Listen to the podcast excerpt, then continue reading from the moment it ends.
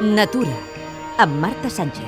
L'estiu és temps de platja per milers de persones. L'arribada del bon temps omplirà de visitants les platges d'arreu del món, totes passant per les exòtiques Illes Maldives o la costa de Bali a l'Índic, a les de Polinèsia, al Pacífic i fins les més properes, com els centenars de platges de l'estat espanyol. Què hi troben els qui opten per passar uns dies a la platja aigües en moltes ocasions cristal·lines, quilòmetres i quilòmetres d'una sorra de gran qualitat i en molts dels trams paisatges que tenen poques coses a envejar als dels molts altres punts del planeta. Però malauradament la salut del mar empitjora amb el pas del temps. Els experts asseguren que avui en dia el mar està amenaçat com mai no ho havia estat en la història de la humanitat.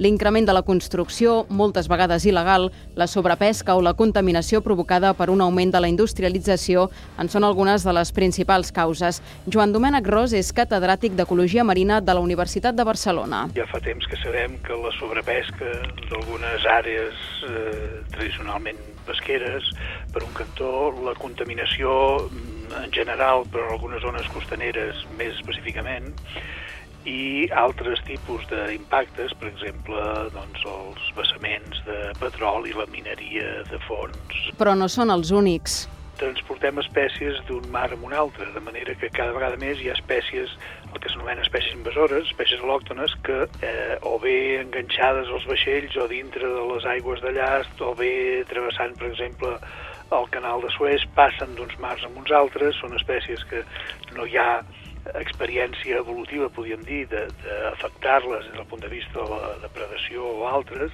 i es converteixen en veritables invasores, algunes de les quals estan fent molt de mal.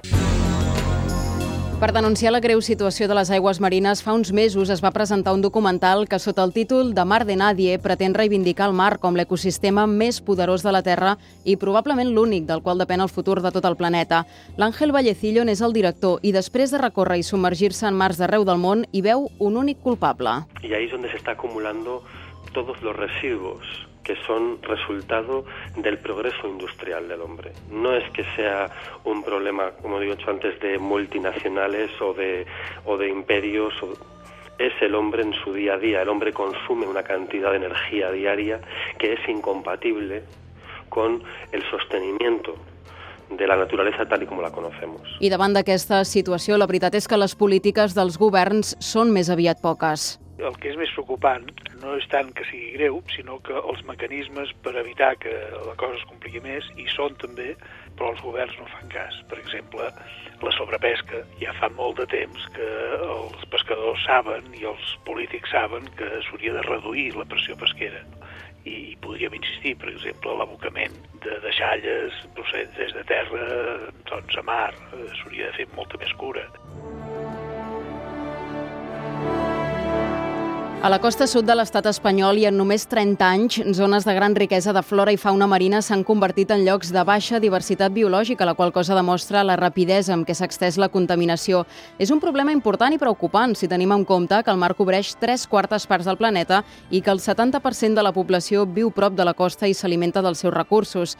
Del mar en depenen moltes de les coses que després ens afecten ha més meduses, els experts ens diuen, perquè els depredadors de les meduses els hem sobrepescat, gairebé no n'hi ha, ja siguin eh, doncs, tonyines, ja siguin eh, tortugues o altres peixos, i a més les meduses tenen més aliment perquè hem sobrepescat altres espècies que mengen plàncton i ara hi ha més plàncton per les meduses. De manera que aquestes coses que, que podríem pensar com és que passa això, és un fenomen natural, doncs és natural però el, el desencadenador inicial és la, la nostra, les nostres malvestats. I no volem acabar sense dues reflexions últimes. Una sobre el nostre mar, el Mediterrani, i l'altra sobre l'empremta que nosaltres, els homes, hi deixem. El Mediterráneo es un mar cerrado, muy grande, muy grande, pero cerrado. Y está sufriendo muchísimo. Y al final toda la química que también que estamos arrojando está alimentando a unos animales a 2.000 metros de profundidad que probablement con el paso de los años veamos les conseqüències. Una vegada jo dic que som una mica com un rei Mides al revés, que tot allò que toquem, en lloc de transformar-ho en ho transformem en una altra cosa, no? Eh, ho espatllem tot.